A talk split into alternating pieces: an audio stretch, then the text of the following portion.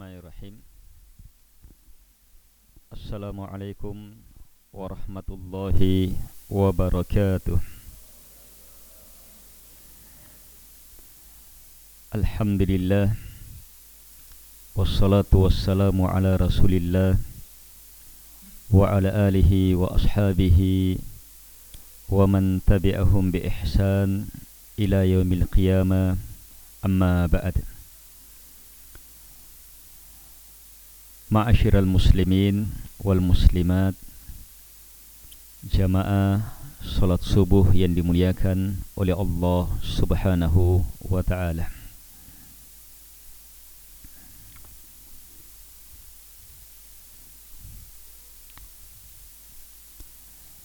Dalam sebuah hadis Baginda Rasul alaihi salatu wassalam bersabda Menyampaikan ilmu yang sangat penting dalam doa.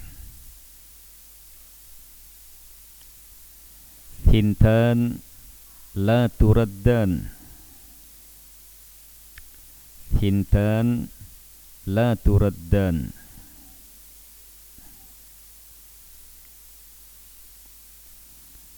Dua doa yang tidak akan tertolak dua doa yang tidak akan tertolak. Satu dari dua doa itu adalah doa tahtal matar. Doa ketika turun hujan.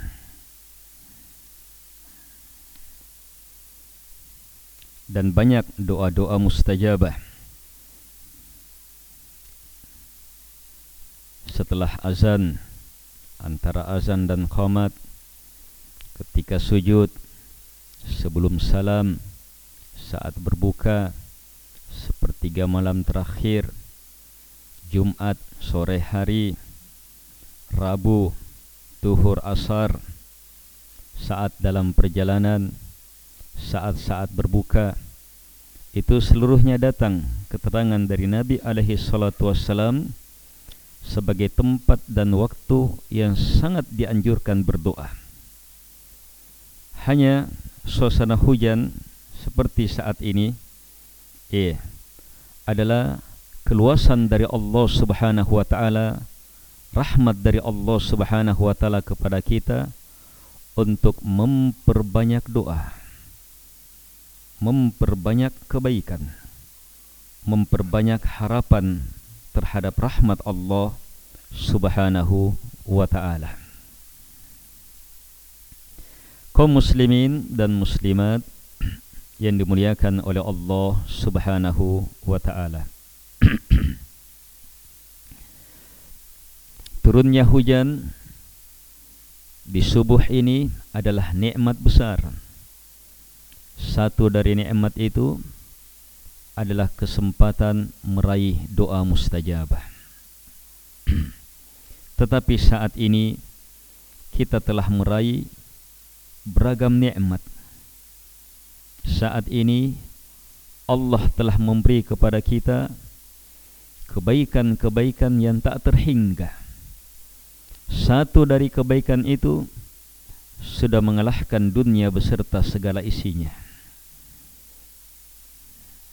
seperti rakaat al-fajr khairum minat dunya wa ma fiha. Dua rakaat subuh kata Nabi lebih baik dari dunia beserta segala isinya. Allah beri kepada kita hal ini. Disempatkan solat dua rakaat sebelum subuh Kalau dua rakaat sebelum subuhnya saja seperti ini Terus bagaimana lagi dengan solat subuhnya?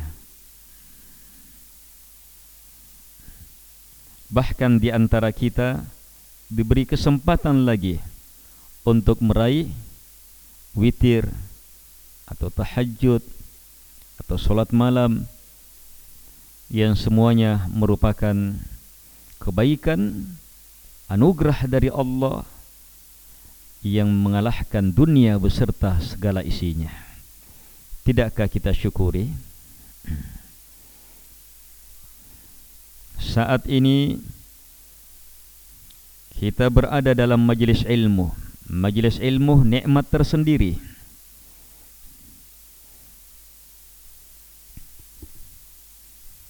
Berada dalam majlis ilmu merupakan nikmat yang di dalamnya terkumpul tiga sebab selamat dari laknat di muka bumi. Nabi alaihi salatu wasallam bersabda dalam hadis yang dikuatkan oleh beberapa ahli hadis, "Ad-dunya mal'unah wa mal'unatum ma fiha illa dzikrullah wa ma wala." Au alim wa muta'allim.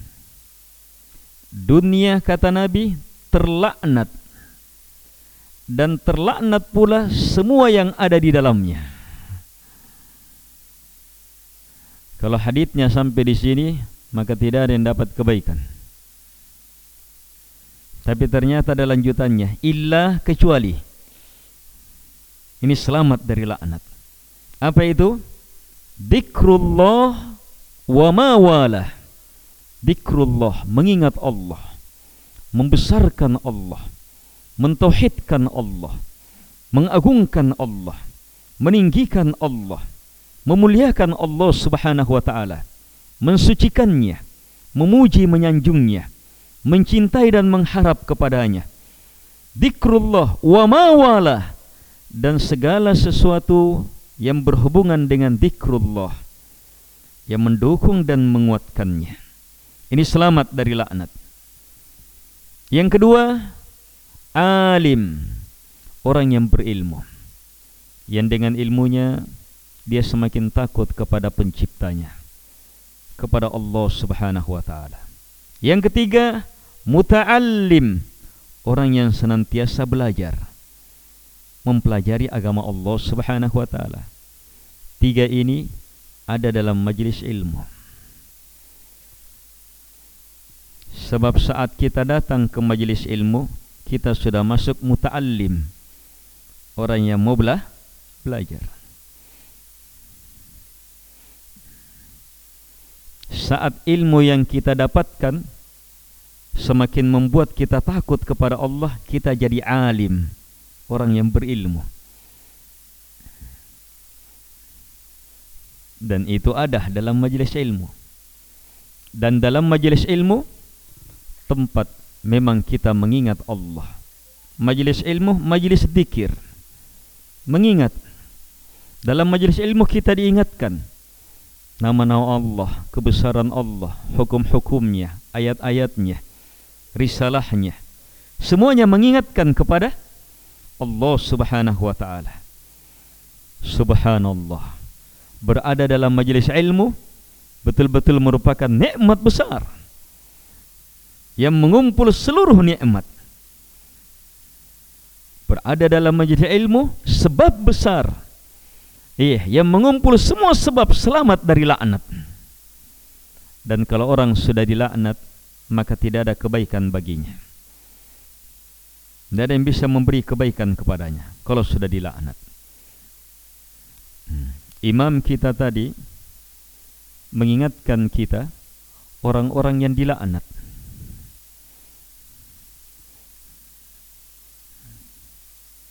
Dalam bacaan imam kita tadi mengingatkan kita orang-orang yang dilaknat.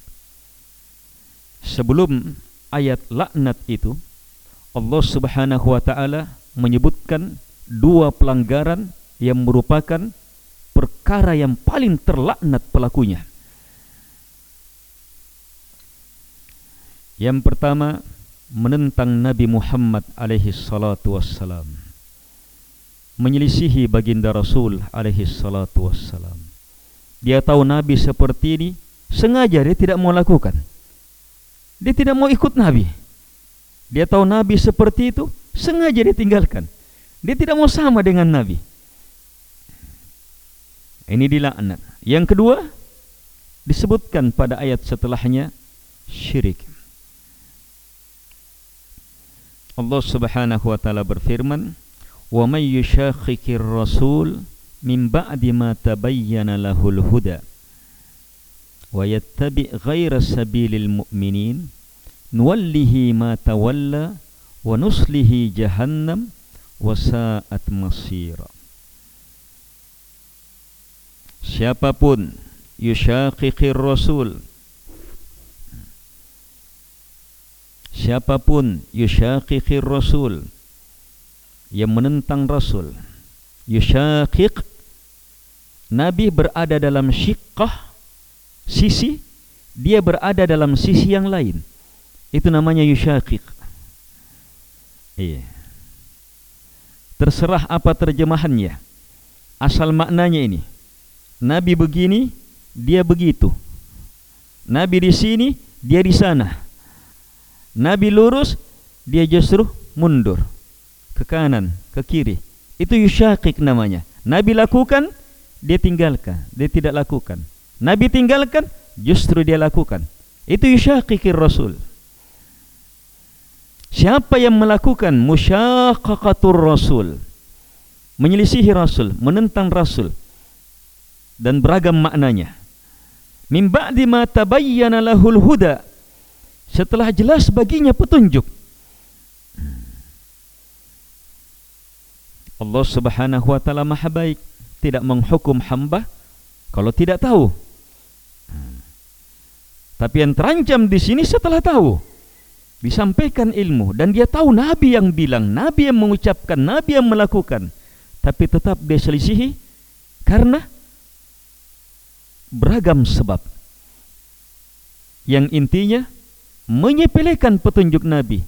Yang intinya punya keberanian menentang Nabi yang intinya punya ketakaburan untuk tidak mau mencontoh Nabi alaihi salatu wassalam. Siapa yang seperti ini?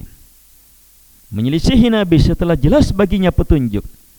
Wa yattabi ghaira sabilil mu'minin dan mengikuti jalannya selain jalannya orang yang beriman. Siapa yang beriman saat itu? Siapa orang beriman ketika turun ayat ini? Para sahabat. Tidak ada yang lain selain sahabat. Iya.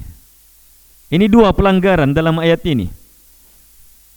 Menentang Nabi dan menyelisihi jalannya orang beriman para sahabat. Maka kata Allah, "Nuwallihi ma tawalla." kami akan arahkan dia ke mana dia memilih. Kami arahkan dia ke mana dia wujudkan cintanya. Mau ke sana, mau ke situ terserah. Allah bukakan jalannya. Dibukakan jalannya, tidak dihalangi. Kalau sudah melanggar dua ini, Tetapi wanuslihi jahannam. Kami pasti akan masukkan ke dalam jahannam. Wasaat masira dan jahannam adalah sejelek-jelek tempat kembali.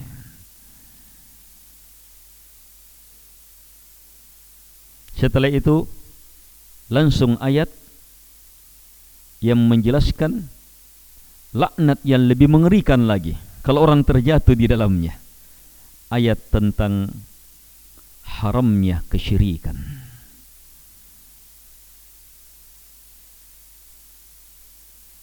Ayat tentang haramnya kesyirikan, mengerikannya kesyirikan, tidak terampuninya syirik.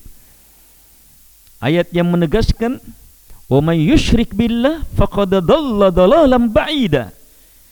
Siapa yang terjatuh ke dalam kesyirikan kepada Allah maka sungguh telah sesat dengan sejauh-jauhnya. dua pelanggaran yang mendatangkan laknat ini yang pertama yang kedua syirik. Itu menggugurkan syahadat pertama. Asyhadu an la ilaha illallah. Dan pelanggaran yang kedua menentang nabi menggugurkan syahadat yang kedua. Wa asyhadu anna muhammadar rasulullah. Kita Allah anugerahi untuk tetap kokoh di atas dua ini. Panggilan Allah, Allahu Akbar, Allahu Akbar. Panggilan La ilaha illallah kita penuhi dengan mau beribadah hanya kepadanya. Mau belajar karena Allah panggilan wa ashhadu anna Muhammad Rasulullah dalam adzan iya kita jawab dengan mencontoh nabi menegakkan ibadah mendatangi masjid mewujudkan jamaah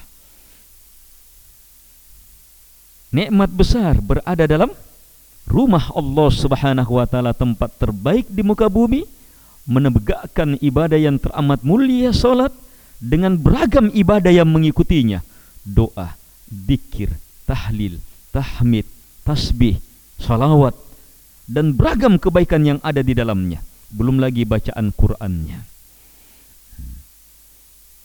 Dan saat ini kita berada dalam majlis yang sangat Nabi alaihi salatu wassalam cintai. Majlis yang diwujudkan oleh Nabi alaihi salatu wassalam sepanjang hidupnya untuk menyebarkan agama Allah Subhanahu wa taala. Nikmat besar. Itu perwujudan dari syahadat kita. La ilaha illallah. Itu perwujudan dari bencinya kita terhadap kesyirikan kita hanya mau beribadah kepada Allah bukan yang lainnya. Itu perwujudan. Wa anna muhammadar rasulullah. Karena kita mau mencontoh nabi alaihi salatu wassalam. Itu perwujudan karena kita tidak ingin menyelisihi baginda rasul alaihi salatu wassalam. Nikmat besar ini adalah perwujudan syahadat kita. Nikmat besar ini adalah sebab besar selamat dari laknat. Nikmat besar ini kunci kebaikan seluruhnya dan Allah anugerahkan hal ini kepada kita. Ma'asyiral muslimin wal muslimat jamaah subuh yang dimuliakan oleh Allah Subhanahu wa taala.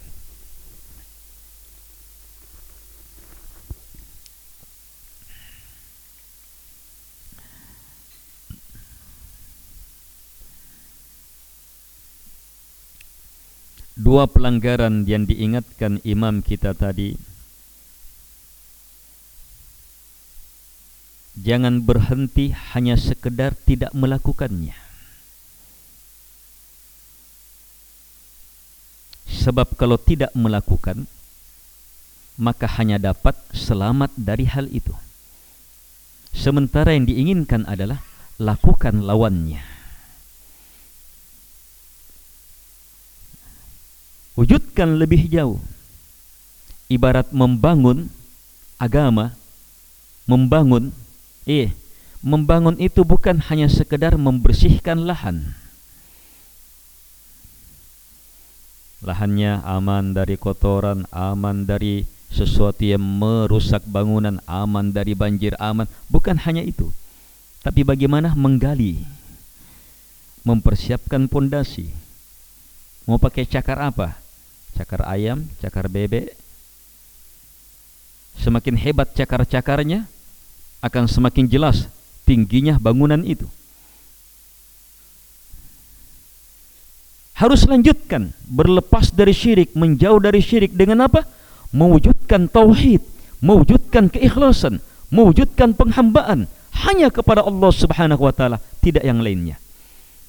Menjauh dari pelanggaran-pelanggaran dari Nabi. Iya. Yeah yang kata Nabi adalah bid'ah atau muhdatsat atau dalalah atau mukhalafah atau musyaqqaqah dan beragam penamaan dari Quran dan Sunnah. Menjauh dari hal itu tidak cukup. Harus disertai dengan lakukannya Nabi lakukan. Lakukannya Nabi tuntunkan lakukannya Nabi benarkan. Terus menerus seperti itu. Sehingga dengannya terwujud apa? Terwujud perkara besar yang sangat besar. Ada perkara dalam Al-Quran yang Allah sumpahi perkara ini sampai sebelas kali. Sebelas sumpah. Sebelas sumpah Allah sumpahi perkara ini. Di ayat yang sangat terkenal. Saking terkenalnya ayat ini, kita lupa kandungannya. wasyamsi waduhaha dan seterusnya. Wasyamsi ini sudah dua sumpah. Wasyamsi waduhaha sudah dua sumpah. Demi matahari. Waduhaha dan demi waktu duhanya. Terus sebelas sumpah susul menyusul. Untuk menegaskan apa? Qad aflaha man zakkaha wa qad khaba man dassaha sungguh betul-betul beruntung mereka yang zakka tazkiyah jiwanya yang diterjemah dengan keumuman bahasa kita sucikan. Sungguh betul-betul beruntung orang yang mentazkiyah jiwanya mensucikan jiwanya. Dan sungguh betul celaka orang yang dasaha mentadasiyah ada tazkiyah ada tadasiyah tazkiyah mensucikan. Tadasiyah mengotori merusak jiwanya.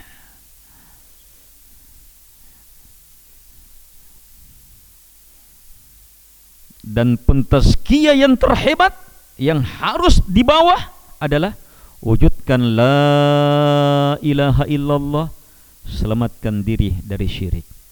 Jalan tazkiyah yang satu-satunya tidak boleh ada jalan keduanya. Mencontoh baginda Rasul alaihi salatu wassalam, jangan ambil jalan pensucian yang lainnya.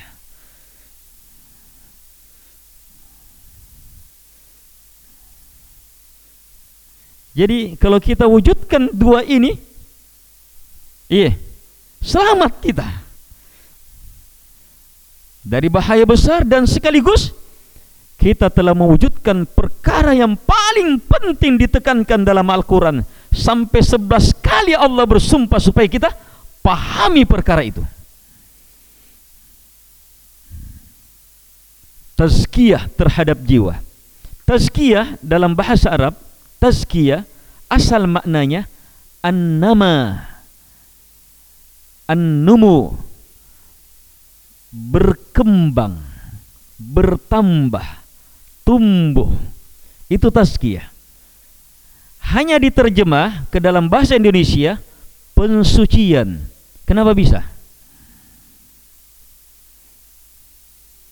Kalau terjemahan sesuai dengan asal katanya tazkiyatun nafs adalah menumbuhkan jiwa tumbuh jiwa memperbesar jiwa meninggikan jiwa, membangun jiwa. Itu makna tazkiyah, asal maknanya. Tapi kenapa diartikan pensucian? Kalau pensucian bukan menumbuhkan, pensucian itu membersihkan, membuang kotoran. Iya. Membuang penghalang. Itu pensucian. Diterjemah seperti itu, iya. Karena syarat dari membangun harus membersihkan. Bisakah kita membangun sebelum kita bersihkan lahannya? Setelah kita membangun, bisakah kita membangun? Jadikah bangunan kita kalau ternyata bahan-bahannya kita tidak bersihkan dari hal-hal yang membahaya, membahayakan? Saat adanya bangunan, bisakah jadi bangunan kalau kita tidak hindari bangunan itu dari hal-hal yang merusak bangunan? Tidak bisa. Kalau begitu, mau membangun harus bersihkan harus hindarkan bangunan kita dari hal-hal yang bisa merusaknya, menghancurkannya, menghanyutkannya dan seterusnya. Itu namanya pensucian. Dari sinilah terpahami bahawa tazkiyatun nafs harus dua. Tidak boleh tidak. Tazkiyatun nafs harus dua.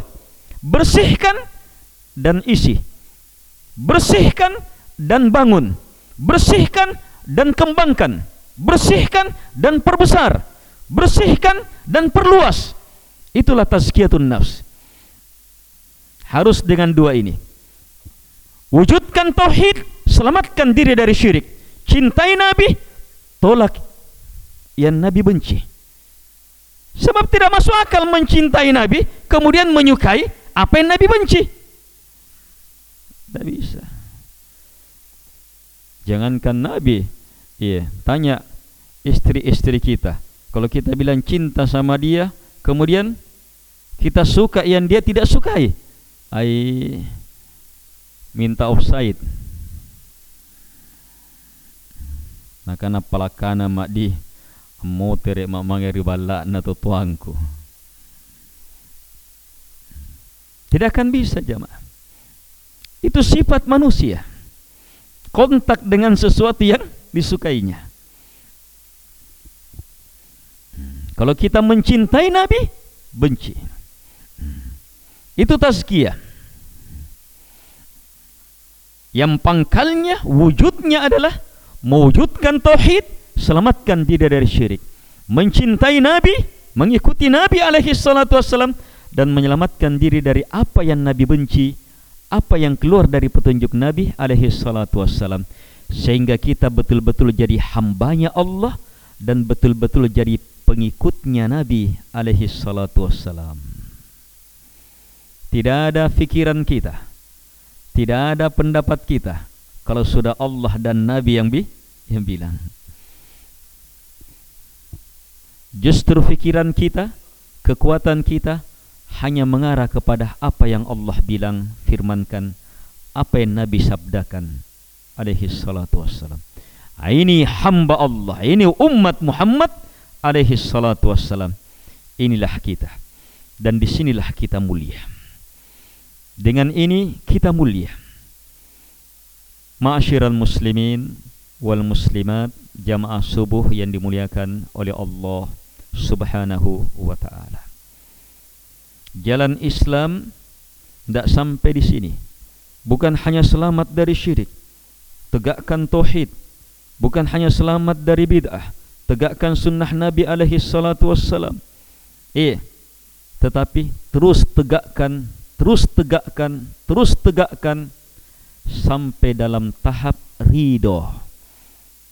Sehingga dalam menegakkan tauhid, beribadah hanya kepada Allah menjauh dan menjauh dari kesyirikan bukan hanya sekedar dia lakukan tapi dia cintai bahkan bukan sekedar dia cintai tapi dia ridhoi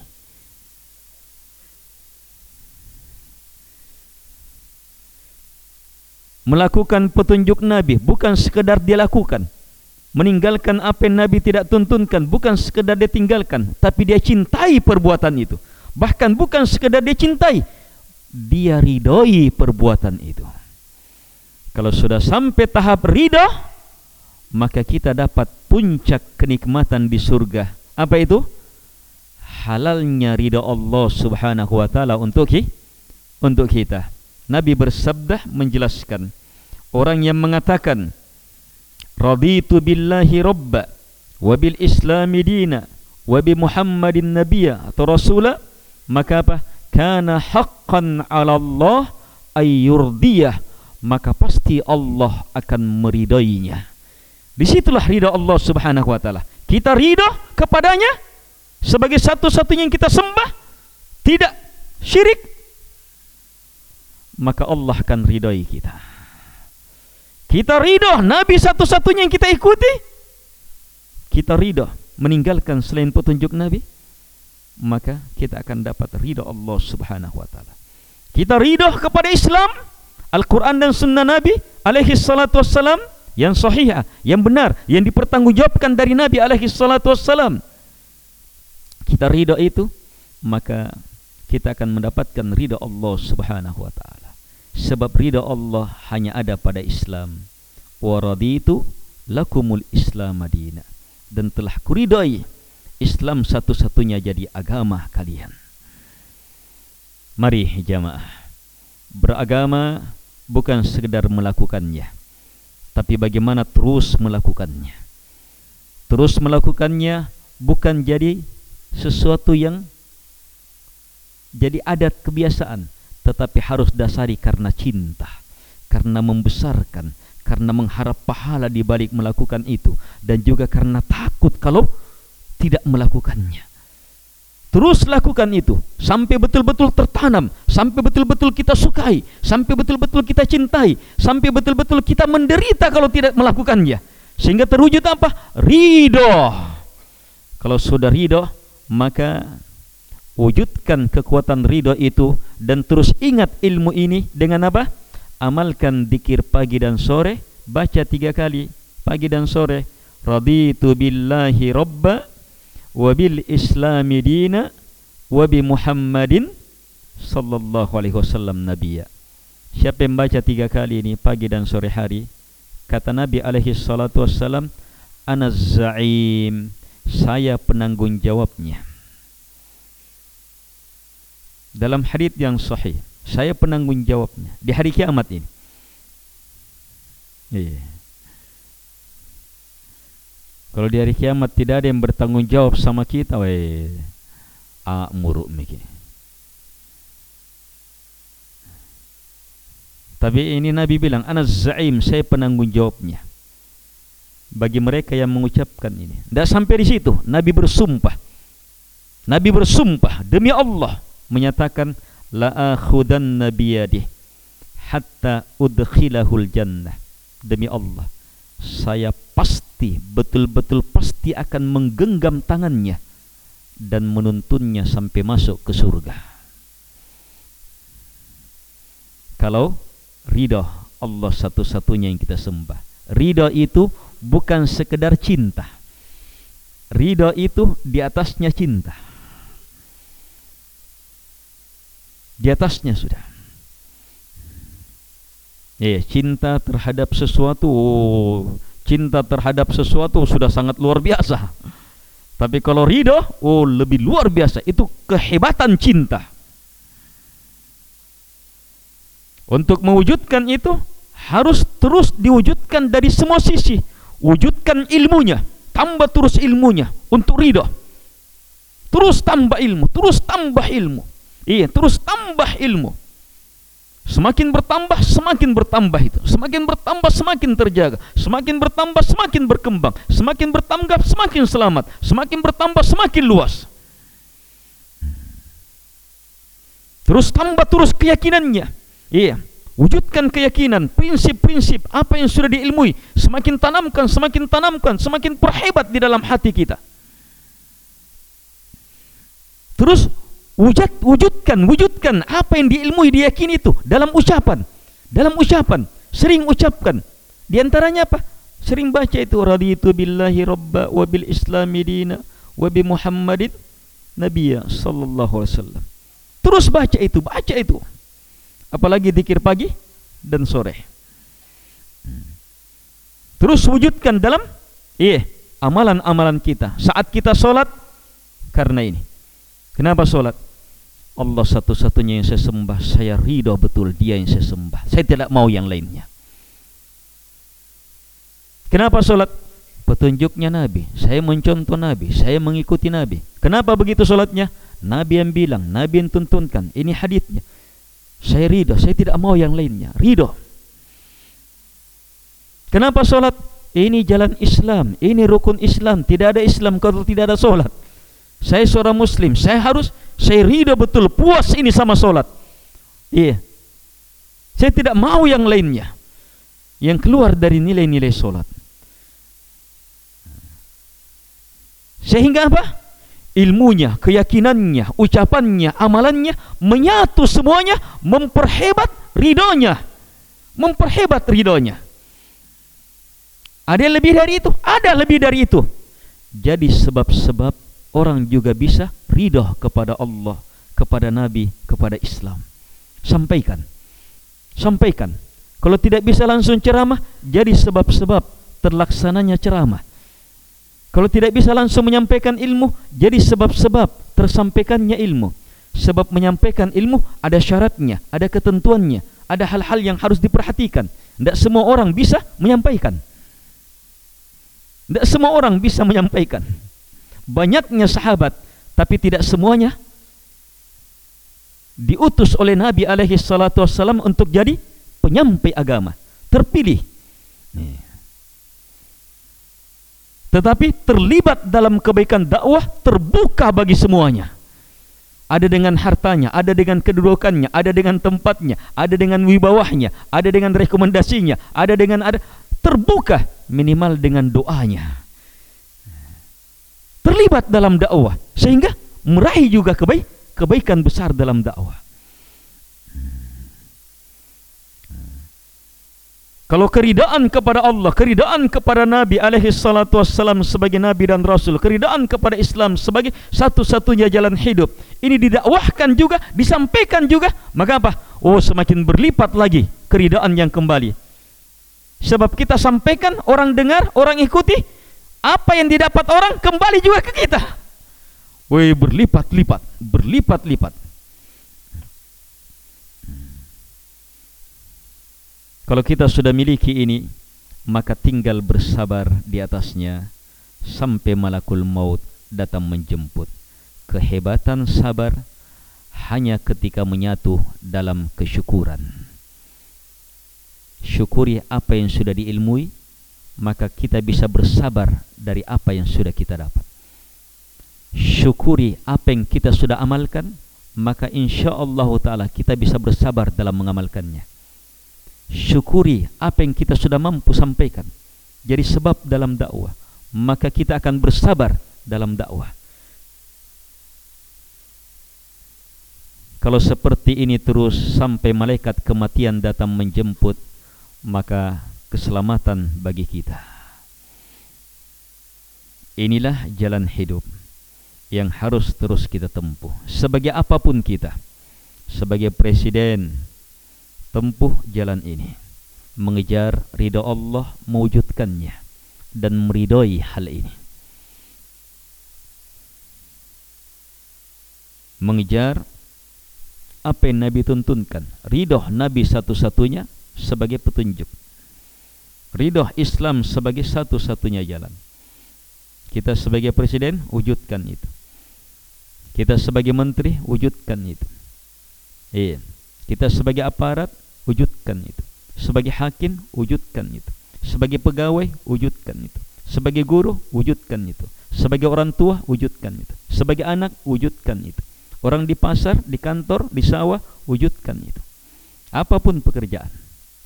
Pekerjaan bisa beragam, tapi jalan hidup hanya satu. Jalan ridha Allah. Hanya menempuh apa yang Nabi ridhoi. Hanya menempuh jalan Islam. Di sinilah hakikat kebersamaan. Eh. Di situ bersama. Bersama sebagai apa? Bersama sama-sama Allah satu-satunya yang disembah, tidak mau yang lainnya. Bersama Nabi alaihi salatu wasallam satu-satunya yang diikuti, tidak yang lainnya. Bersama Islam satu-satunya yang kita tempuh, bukan yang lainnya ini nanti bisa terwujud betul-betul bersama di atas ini kalau mulai bersama ilmunya, keyakinannya, amalannya, dakwahnya dan bersama dalam suka duka, dalam syukur dan sabarnya di atas jalan ini. Ini memerlukan kebersamaan. Tidak bisa kita beragama sendiri-sendiri. Masjid ini ai tidak bisa jadi kalau hanya satu orang yang pikirkan dan sangat kita pahami masjid ini terwujud karena weh mungkin beberapa orang tua kita sudah mendahului kita yang merintis masjid ada imam-imam yang sudah mendahului kita makmum-makmum yang sudah mendahului donatur-donatur yang sudah mendahului tukang-tukang bersih yang sudah mendahului pengurus-pengurus masjid yang sudah mendahului Kemudian dilanjutkan ada regenerasi. Eh, selama terwujud ta'awun kerjasama, maka masjid akan baik. Semakin hebat akan semakin baik. Sehingga masjid menjadi tempat terbaik di muka bumi, lahirnya berkah di muka bumi. Kaum muslimin dan muslimat yang dimuliakan oleh Allah Subhanahu wa taala. jalan beragama adalah jalan hidup. Jalan beragama itu jalan fikiran, jalan keyakinan, jalannya mulut kita, jalannya pendengaran kita, jalannya langkah kita, jalannya tangan kita. Mau apa ini tangan? Mau buat apa ini tangan? Itu harus jadi jalan hidup kita.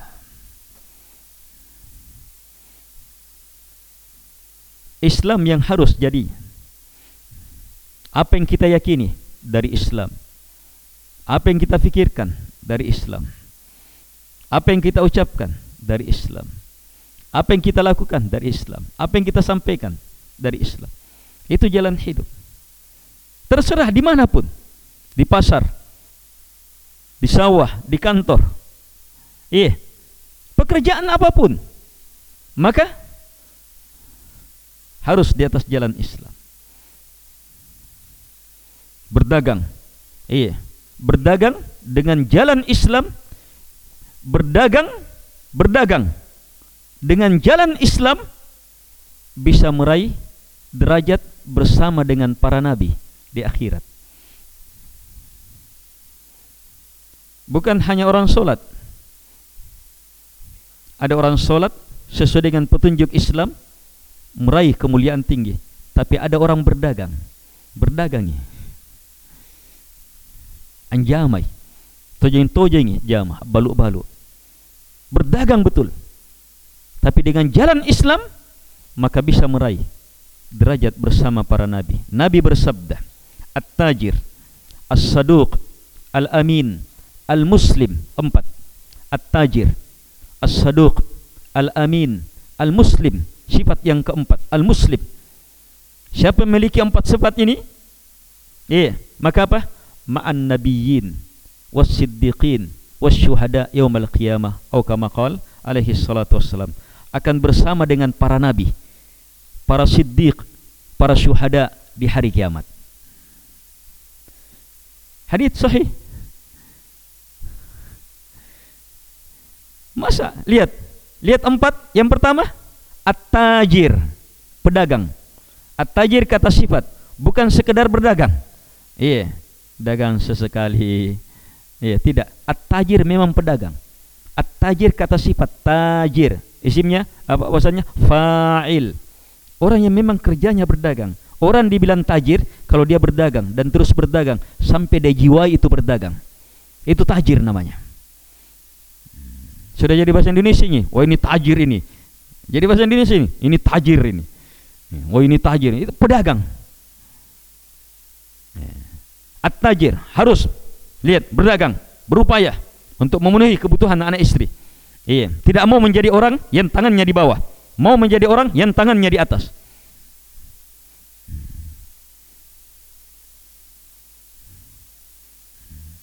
Pedagang, dia berusaha. Terus as-saduq, jujur. Yang ketiga, al-amin, amanah. Ini tiga sifat orang kafir bahkan orang komunis bisa wujudkan ini dalam berdagang. Orang komunis tidak mengakui Tuhan. Iya. Jadi pedagang besar, woi, pekerjaannya memang. Jujur, pedagang-pedagang besar komunis, iya, itu tahu betul. Kejujuran adalah kunci keberhasilan dalam dagang. Itu kalau kita kumpul buku-buku, buku-buku sifatnya, sifatnya orang-orang sukses, pedagang-pedagang besar di seluruh dunia, dikumpul, kumpulan sifat-sifatnya maka yang nomor satu akan muncul jujur. Yang ketiga al-amin amanah. Ini juga orang kafir bisa amanah. Bahkan komunis bisa amanah. Tetapi tiga ini belum bisa meraih pahala belum bisa meraih pahala. Nanti meraih pahala pahala besar bisa bersama dengan para nabi di hari akhirat. Ketika ada yang keempat. Ada yang keempat. Al-Muslim. Dia harus Muslim. Apa itu Muslim? Allah satu-satunya yang dia sembah Ridha terhadap hal itu. Nabi Muhammad satu-satunya nabinya Ridha terhadap hal itu. Tak mau yang lain. Islam satu-satunya jalannya Ridha terhadap itu Bukan yang lainnya. Harus Muslim Maka apa? Ma'an nabiyin bersama para nabi Wasiddiqin para siddiq Wasyuhada para syuhada Yawmal qiyamah pada hari kiamat. Hebatnya ini Islam. Jalan perdagangan iya bisa meraih kemuliaan seperti ini. Padahal orang berdagang itu di tempat apa? Di tempat apa orang berdagang? Di tempat terjelek di muka bumi pasar. Eh di tempat terjelek di muka bumi. Kalau orang mulia di masjid sebab memang tempatnya. Tapi kalau orang bisa mulia di tempat terjelek, itu berarti jalannya betul-betul hebat. Dan hanya Islam yang bisa mengantar ke situ. Hanya Islam yang bisa mengantar ke situ. Nabi alaihi salatu wassalam bertahun-tahun. Eh bertahun-tahun bahkan sampai-sampai puluhan tahun berdagang sebelum jadi nabi dan rasul. Sebab tugas sebagai nabi dan rasul luar biasa. Kalau Abu Bakar Siddiq terus jadi pedagang. Uthman bin Affan terus jadi pedagang. Bersamaan dengan itu tidak ada yang mengalahkan agama mereka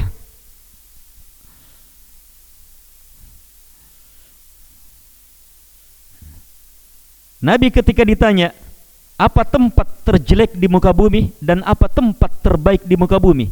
Saat itu Nabi jawab la adri tenakusengi sebab belum ada wahyu. Maka turun wahyu memberitahu tempat terjelek di muka bumi adalah pasar-pasarnya. Tempat terbaik di muka bumi adalah apa? Masjid-masjidnya.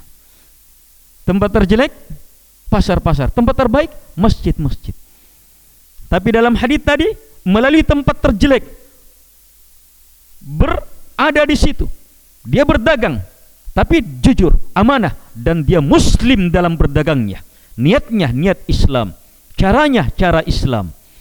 Eh, kemana arah pembelanjaannya di atas nilai-nilai Islam? Dia sebagai pedagang yang Allah satu-satunya yang diridai, sembah. Nabi SAW satu-satunya yang diridai untuk diikuti. Islam sebagai salah satunya yang diridai untuk ditempuh. Berdagang seperti itu bisa meraih tempat yang terbaik. Ini jalan Islam. Apalagi di masjid. Wih, luar biasa. Kalau dengan jalan Islam di tempat terjelek saja bisa meraih pahala besar, apalagi di masjid yang memang tempat terbaik. Dengan jalan Islam bisa meraih tempat yang termulia. Tetapi kapan keluar dari jalan Islam, biar di masjid bisa berada dalam celaka yang paling besar. Wailul lil musallin. Allah yang bilang ini celaka pasti celaka. Al musallin. Al musallin kata sifat. Bukan satu dua kali solat. Solat terus-terus ini. Musallin orang-orang yang solat kata sifat ini. Yang dipahami apa? Ini orang solat terus ini tapi Allah Allah yang bilang. Allah pastikan celakanya. Kenapa? Solatnya tidak di atas nilai Islam. Kalau dalam ayat sahun dalam solatnya. Lalai. Tidak di atas ilmu. Keluar dari petunjuk. Apalagi yuraun. Ria. Dua pelanggaran tadi nih. Pelanggarannya dua pelanggaran tadi. Sahun tidak di atas petunjuk nah Nabi. Itu diantara tafsir sahun lalai. Eh sudah lewat waktunya baru dia solat. Masuk di dalamnya belum masuk waktunya dia sudah solat. Terlalu semangat. Belum masuk waktu sudah solat. Iya, syarat diterimanya solat harus masuk waktu. Sebelum waktu batal solat. Sebelum lewat waktunya diterima salat kecuali dengan udur. Kecuali dengan udur syar'i. Sahun dia. Itu diantara makna sahun. Apalagi sahut lalai. Dia tidak tahu petunjuk nabi. Apa rukun-rukunnya? Apa syarat-syaratnya? Eh pokoknya sambahaya mikir lalam pisyatur salat itu bukan makan. Makan saja itu harus ada aturan Solat ini wih, bukan sembarang perbuatan ini. Eh, kalau mau ketemu presiden itu berapa itu aturan itu? Eh, gini aturannya, begini cara masuknya, pakaian kau begini, begini, kau begini, begini, begini. Ada protokolnya. Untuk apa? Memuliakan presiden. Eh, kita mau ketemu, kita mau ketemu orang tua kita. Gimana caranya? Ada aturan-aturannya. Bukan seperti mau ketemu teman minum kopinya. atau teman main bolanya tidak eh mau ketemu bos kita di perusahaan ada pertemuan khusus harus itu fitrah manusia itu menempuh sesuatu yang memperindah adab kita mau berjumpa dengan Allah. Wih harus ikuti maunya Allah. Harus di atas tahara taharanya seperti ini. Berjamaah berjamaahnya seperti ini. Niat seperti ini. Takbir seperti ini. Doa secara takbir seperti ini. Ada petunjuknya. Tidak perhatikan itu. Sahun namanya. Keluar dari petunjuk Nabi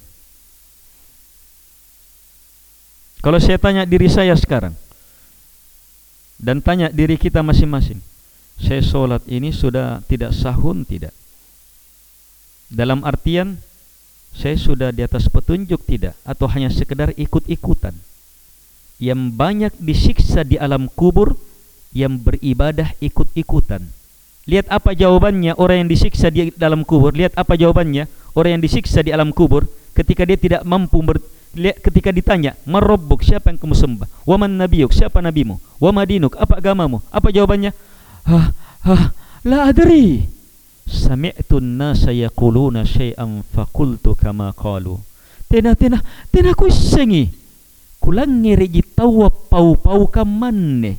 Anja todo mi kupinggau kang saya hanya dengar orang-orang bilang. Itu dia. Dasarnya dia berbuat orang-orang. Di sini para ulama mengambil istimbat haramnya taklid. Haram taklid. Sebagaimana wajib berilmu. Fardu ain itu berilmu. Fardu ain sebelum beramal. Wajib betul menuntut ilmu. Talabul ilmi faridatun ala kulli muslim. Hadis sahih. Menuntut ilmu adalah kewajiban besar ala kulli muslim bagi setiap muslim. Fardu apa itu? Kalau setiap muslim kena. Fardu ain. Kalau berdakwah fardu kifayah. Iya, ada orang yang sudah bisa tegak cukup, iya. Bukan ndak ndak berdosa orang yang tidak berdakwah. Tapi bisa meraih pahalanya. Lanjut. Bukan lagi kewajiban. Iya. Tapi kalau menuntut ilmu semuanya tidak ada alasan. Memang benar ada orang yang diberi uzur karena belum tahu. Tapi dia akan dapat dosa karena tidak mau belajar. Dia tidak lakukan kewajiban besarnya belajar. Minimal belajar yang Allah perintahkan. Fas'alu ahla dzikri In kuntum la ta'lamun. Aku tak nangko. Itu belajar minimal. Kita tidak sempat belajar lebih dalam. Eh, tapi kita bisa bertanya kepada ahli yang betul-betul ahli. Di sini yang disuruh ditanya itu ahli. Eh.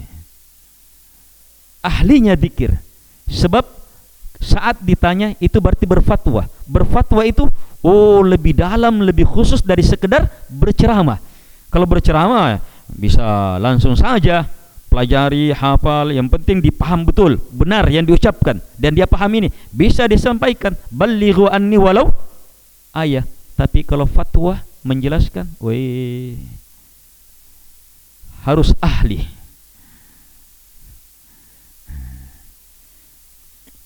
Ini jamaah. Jadi masya Allah agama Islam ini sungguh sangat luar biasa agama yang Allah turunkan seluruhnya keluar biasaan. Tapi agama yang diturunkan untuk kita dibawa oleh Nabi Muhammad alaihi salatu wassalam, ajaran Islam ini dengan kitab suci Al-Quran ini di atasnya lagi luar biasa. Coba lihat perbandingannya. Nabi membuat perumpamaan. Nabi buat perumpamaan, lihat perumpamannya. Perumpamaan Islam dengan agama yang lainnya. Seperti Nabi bilang seperti seseorang menyewa buruh tukang. Iya. Ini tuannya mengatakan siapa yang kerja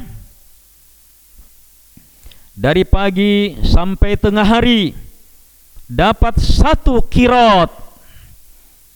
Kirot di antara penafsirannya satu gunung.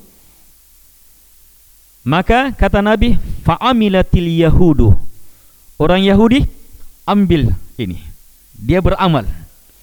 Ini orang Yahudi yang berada di atas agama Nabi Musa. Kalau Yahudi sekarang tidak di atas agama Nabi Musa.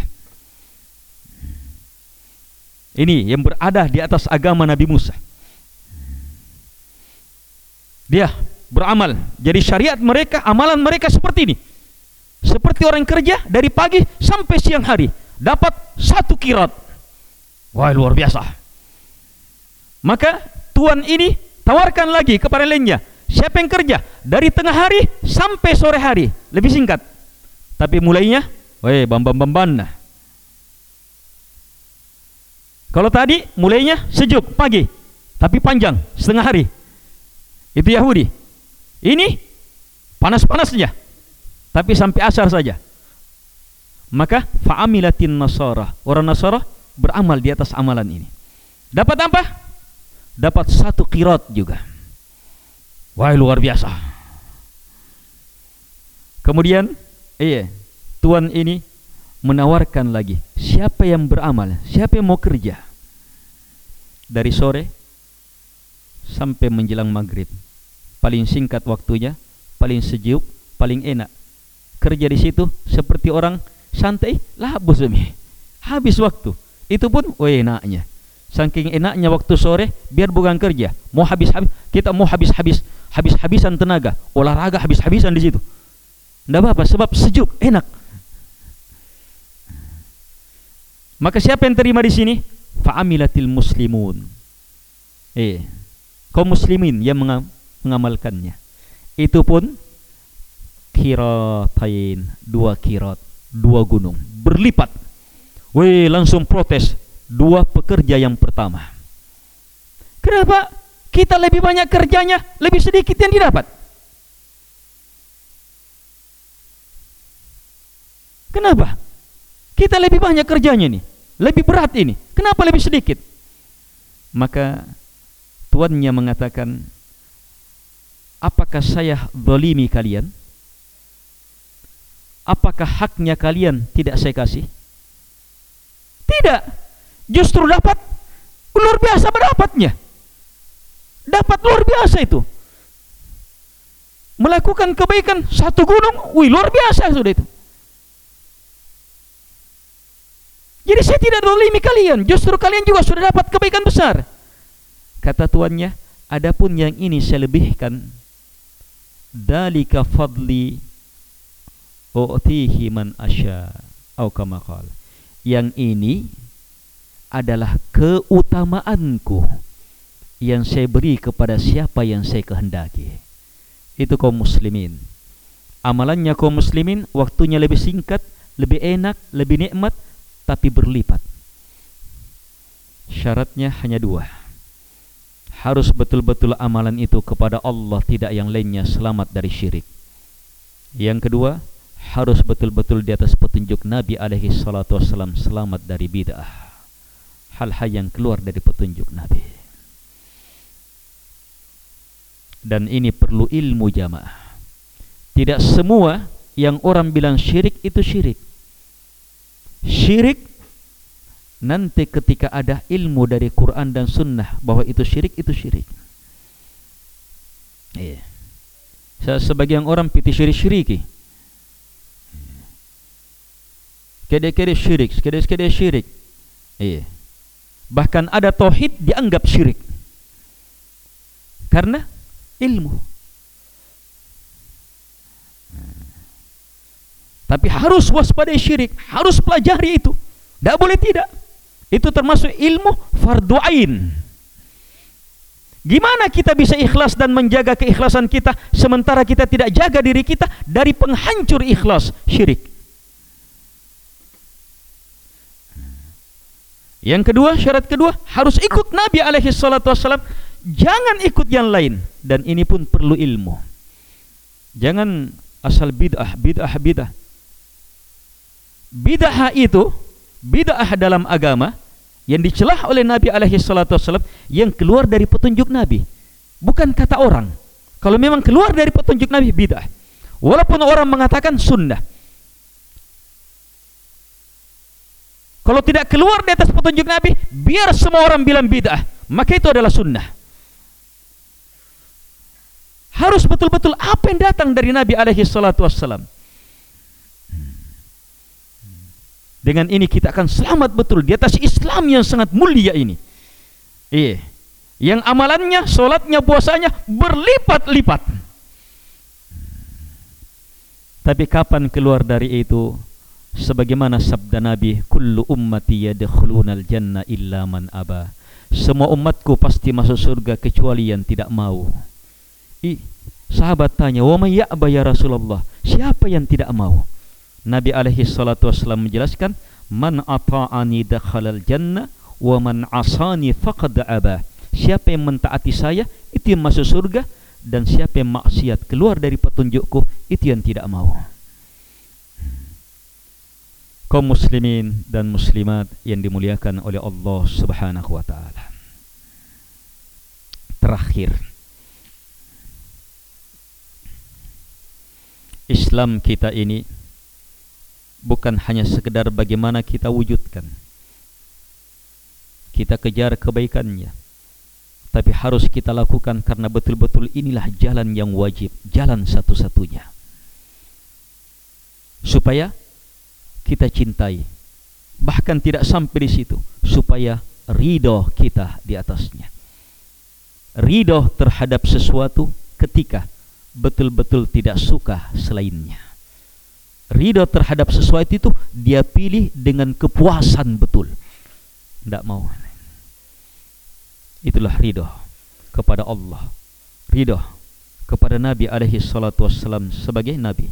Ridho kepada Islam sebagai aga agama harus terus kita wujudkan yang ingin saya ingatkan bersamaan dengan semua usaha ini maka jangan sandarkan pada diri kita tapi sandarkan hanya kepada Allah Subhanahu wa taala. Minta hanya kepada Allah supaya kita bisa. Mohon hanya kepada Allah supaya kita tertuntun. Harapkan hanya kepada Allah supaya kita bisa ridho kepadanya. Pasrahkan hanya kepada Allah supaya kita ridho kepadanya. Mengandalkan diri kita mustahil. Kalaupun berhasil yang muncul takabur. Kapan takabur? Habis semua amalan. Tapi kalau kita andalkan Allah, pasrahkan kepadanya, kembali kepadanya, disertai dengan apa? Usaha besar. Itu tawakal. Tawakal itu bersandar penuh kepada Allah, tidak yang lainnya. Disertai dengan usaha betul-betul dia ilmui, betul-betul dia yakini, betul-betul dia amalkan, betul-betul dia dakwahkan, betul-betul hidup mati di atasnya. Dia kerahkan segenap kemampuannya. Tapi bersamaan dengan itu, bukan dirinya yang dia lihat. Hanya Allah. Hanya Allah yang diharapkan, dia besarkan. Berhasil, hanya Allah yang dia puji. Bukan dirinya. Dalam berilmu, dalam berkeyakinan, dalam beramal, dalam berdakwah. Hanya Allah. Dalam semua usahanya. Hanya kepada Allah subhanahu wa ta'ala. Maka apa yang terjadi? Ketika berhasil melakukan amalan yang terjadi Alhamdulillah Allah yang dia puji Akhirnya apa? Amalannya terjaga Bahkan ditambah Sebab dia syukuri La in syakartum La azidannakum Apalagi yang terjadi? Dengan Alhamdulillah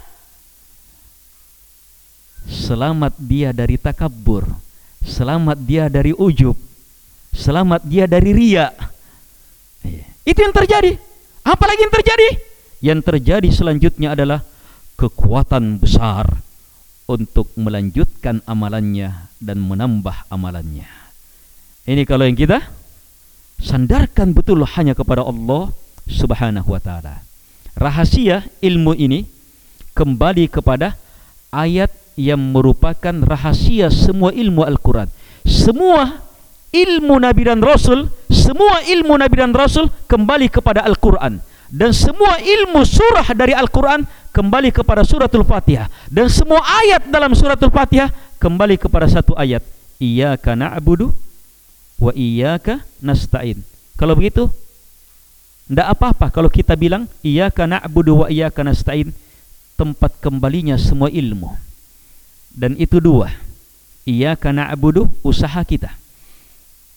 Hanya kepadamu na'budu kami beribadah. Ibadah solat ibadah di pasar ibadah di rumah ibadah di kantor ibadah. Hanya kepadamu ya Allah kami beribadah. Di atas petunjuk hanya kepadamu. Ini semua usaha kita. Ini ceramah dari awal yang ini nih. Iyyaka na'budu. Itu iyyaka na'budu. Semua ceramah dari awal sampai ini. Iyyaka na'budu ternyata tidak sampai di situ ilmunya. Wa iyyaka nasta'in. Dan hanya kepadamu kami minta pertolongan. Harus tidak boleh tidak. Di sini saya ingatkan diri saya. Dalam minta pertolongan kepada Allah dalam berdoa kepada Allah Subhanahu wa taala perhatikan hal-hal berikut. Jadikan minta tolong kita hanya kepada Allah jangan pernah kepada selain Allah jadikan ketergantungan kita hanya kepada Allah jangan pernah kepada selain Allah. Walaupun selain Allah itu adalah sebab tidak boleh. Sebab diyakini dipahami sebagai sebab dan ditempuh dengan sungguh-sungguh sebagai sebab adapun diyakini dalam arti bersandar kepada sebab haram seharam-haramnya tapi harus ditempuh Mau masuk surga? Tidak cukup bertawakal kepada Allah dapat surga. Harus solat dengan benar. Sebagaimana mau makan tidak cukup hanya sekedar iya bersandar kepada Allah. Iya, tapi harus berusaha. Sekecil apapun usaha. Iya, dengan bertawakal maka usaha yang kecil itu bisa jadi besar. Sekecil apapun usaha. Di situ kekuatan tawakal. Wa iyyaka nasta'in dan hanya kepadamu ya Allah kami minta pertolongan.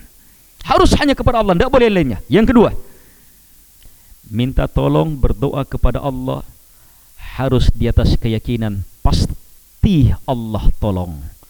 Pasti Allah kabulkan. Pasti Allah beri.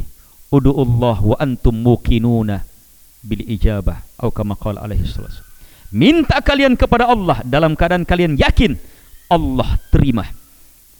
Nabi bersabda Allah berfirman anna ana inda dhanni abdi bi. Saya kata Allah sesuai dengan sangkaan hamba kepadaku. Apa maksudnya? Maksudnya ayat ini luas. Di antaranya saat berdoa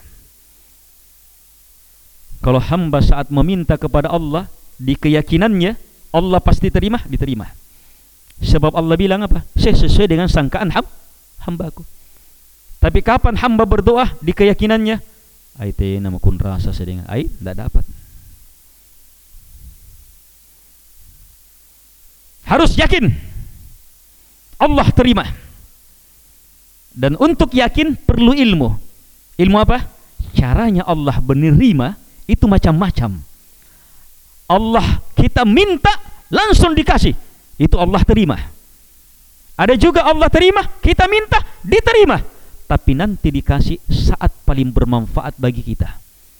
Harus yakin Allah terima. Tidak harus diterima itu langsung kita dapat. Tidak harus. Bahkan banyak-banyak Allah penerimaan dari Allah nanti dikasih saat paling bermanfaat bagi kita tapi harus yakin Allah terima.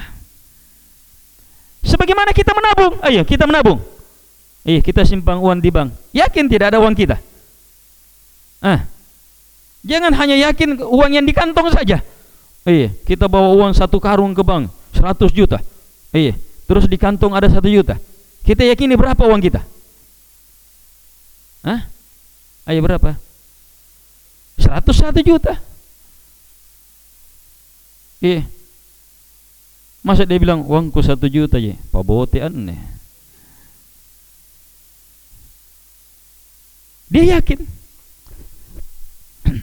Apalagi Bagaimana Allah kabulkan? Kita minta sesuatu Allah kabulkan. Bentuknya apa? Diselamatkan dari sesuatu. Banyaknya doa-doa kita Ya Allah beri ini, beri ini, beri. Allah pasti kabulkan. Tapi bentuknya apa? Tidak dikasih itu diselamatkan dari bahaya. Kamu lebih perlu selamat dari bahaya daripada dapat itu. Allah paling tahu apa yang kita perlukan. Yang penting berdoa terus, minta terus, bersandar terus. Jangan pernah melemah. Nah, di antara pengabulannya Allah, ini lebih hebat lagi. Allah kabulkan dan Allah simpan di akhirat. Saat hamba bangkit di padang mahsyar, lihat amalan yang dia tidak pernah lakukan. Amalan menggunung. Wih, batu kamai asingan nih. Dari mana ini amalan? Ternyata apa? Doanya yang Allah kabulkan. Ini ilmu dari Nabi. Yakin Allah kabulkan. Ini dalam minta tolong. Kemudian iya, dalam berdoa, iya, meminta tolong kepada Allah Subhanahu wa taala, pilih doa-doa pamungkas supaya tepat guna. Tidak usah terlalu banyak, bukan terlalu banyaknya. Yang paling penting adalah bagaimana doa itu benar tepat dijiwai. Lihat doa-doa sangat penting untuk minta tolong. Baca Allahumma a'inni ala dikrika wa syukrika wa husni ibadatik sebelum salam. Setelah tahiyat, salawat, tahiyat, minta perlindungan terhadap empat hal, baru baca salam. Itu waktu mustajabah pasti diterima. Dan Nabi ajarkan khusus sahabat yang dia cintai dengan doa ini. Ini bukan sembarang ilmu. Ini Nabi bilang sama sahabat itu, "Iya, wahai sahabat, saya cintai kamu." Lihat pendahuluannya, "Saya cintai kamu karena Allah." Karena itu, karena itu, lihat, nah, karena itu jangan pernah tinggalkan Allahumma a'inni ala dzikrika wa syukrika wa husni ibadatik sebelum salam di akhir solat sebelum salam. Jangan pernah tinggalkan itu. Itu baca doa itu. Raih doa itu. Itu doa langsung istimewa dan tempatnya sangat istimewa. Pasti dikabulkan. Apalagi doa suratul fatihah. Ini doa paling hebat. Sebab ini doa turun lengkap dengan turunnya. Setiap dibaca pasti dapat. Ini doa turun setiap dibaca pasti dapat. Bahkan dalam hadits qudsi setiap hamba baca ihdinas siratal mustaqim siratal ladzina an'amta alaihim ghairil maghdubi alaihim waladdallin Allah berfirman walil abdi masal untuk hamba apa yang dia minta pasti dapat. Hanya masalahnya kita jamaah kibacai tapi tena kipala. Kita baca ihdina tapi kita tidak meminta hidayah. Nah, di sini bahayanya bukan sekadar bacaan. Berdoa itu bagaimana kalau orang berdoa? Berdoa itu meminta. Punapala ki mangeri tahu ngapa ki? Eh. Gimana kondisi hati? Bagaimana? Eh, aku kodong-kodong itu Tapi kau dia, eh, kodong-kodong, saya kan tahu. Sebab yang baik tangan dia di atas. Iya. Itu manusia tertuntun itu. Kalau minta merendah. Terus masa minta kepada Allah tidak merendah, tidak betul-betul meminta. Bahkan para ulama sebutkan permintaan yang tidak akan ditolak permintaan orang yang sangat merengek-rengek. Sana kodong-kodona. Itu permintaan yang paling hebat itu. Semakin meminta ya Allah, ya Allah, semakin meminta dan terus meminta. Itu tidak akan ditolak itu. Baca ihdina ihdina siratal mustaqim. Baca betul itu. Pasti dapat hidayah. Pasti di atas nikmat.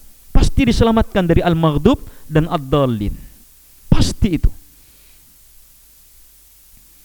Demikian pula doa pada ayat terakhir suratul baqarah. Amanah rasuluh oh ini juga turun dengan apa ketentuan dari Allah semua permintaan di sini sudah dikabulkan setiap dibaca Banyaknya itu doa di situ. Nih, banyak sekali doa di situ. Pasti dikabulkan. Ini doa-doa seperti ini. Kita perlu yang seperti ini dalam usaha kita, upaya kita. Usaha dunia, usaha agama apapun harus berdoa, sandarkan kepada Allah Subhanahu wa taala. Yakin Allah Subhanahu wa taala terima. Yang terakhir, dalam berdoa cari waktu dan tempat-tempat mustajabah. Ini bosi-bosian ni. Eh, waktu berdoa ini. Minimal doa Allahumma sayyiban nafi'a Ya Allah jadikan hujan yang bermanfaat Bermanfaat Supaya tidak nak bagi celaka Tidak nak bagi celaka Dengan hujan. Sekarang lihat bagaimana. Banyak orang hujan. Hancur rumahnya ini karena hujan. Nak lupai pula doa Minta Allahumma sayyiban nafi'a Dan jangan hanya diri kita. Ya Allah jadikan curahan yang bermanfaat. Niatkan saya dan semuanya. Jadikan sesuatu yang bermanfaat. Doa yang lainnya tambah doa yang lainnya. Apalagi doa-doa hebat. Rabbana atina fid dunya hasana wa fil akhirati hasana wa qina adzabannar. Ya muqallibal qulub tsabbit qalbi ala dinik. Allahumma inni nas'aluka hubbak wa hubba ma yuhibbuk wa hubba amali yuqarribuni ila hubbik. Ini oh, luar biasa doa-doa seperti ini. Cari waktu-waktu mustajabah saat turunnya hujan, ketika azan. Habis azan, oh berdoa di situ. Minimal apa? Salawat kepada Nabi dan doa. Doa habis azan. Tambah doa-doa lainnya. Antara azan dan qamat. Oh doa mustajabah. Saat sujud kata Nabi, perbanyak doa di situ. Sebelum salam, di situ doa mustajabah. Sepertiga malam terakhir. Oh doa mustajabah. Allah turun ke langit dunia dan menyeru. Siapa yang meminta pasti saya kabulkan. Siapa yang mohon ampunan pasti saya ampuni. Siapa yang berdoa pasti saya ijabahi. Hmm.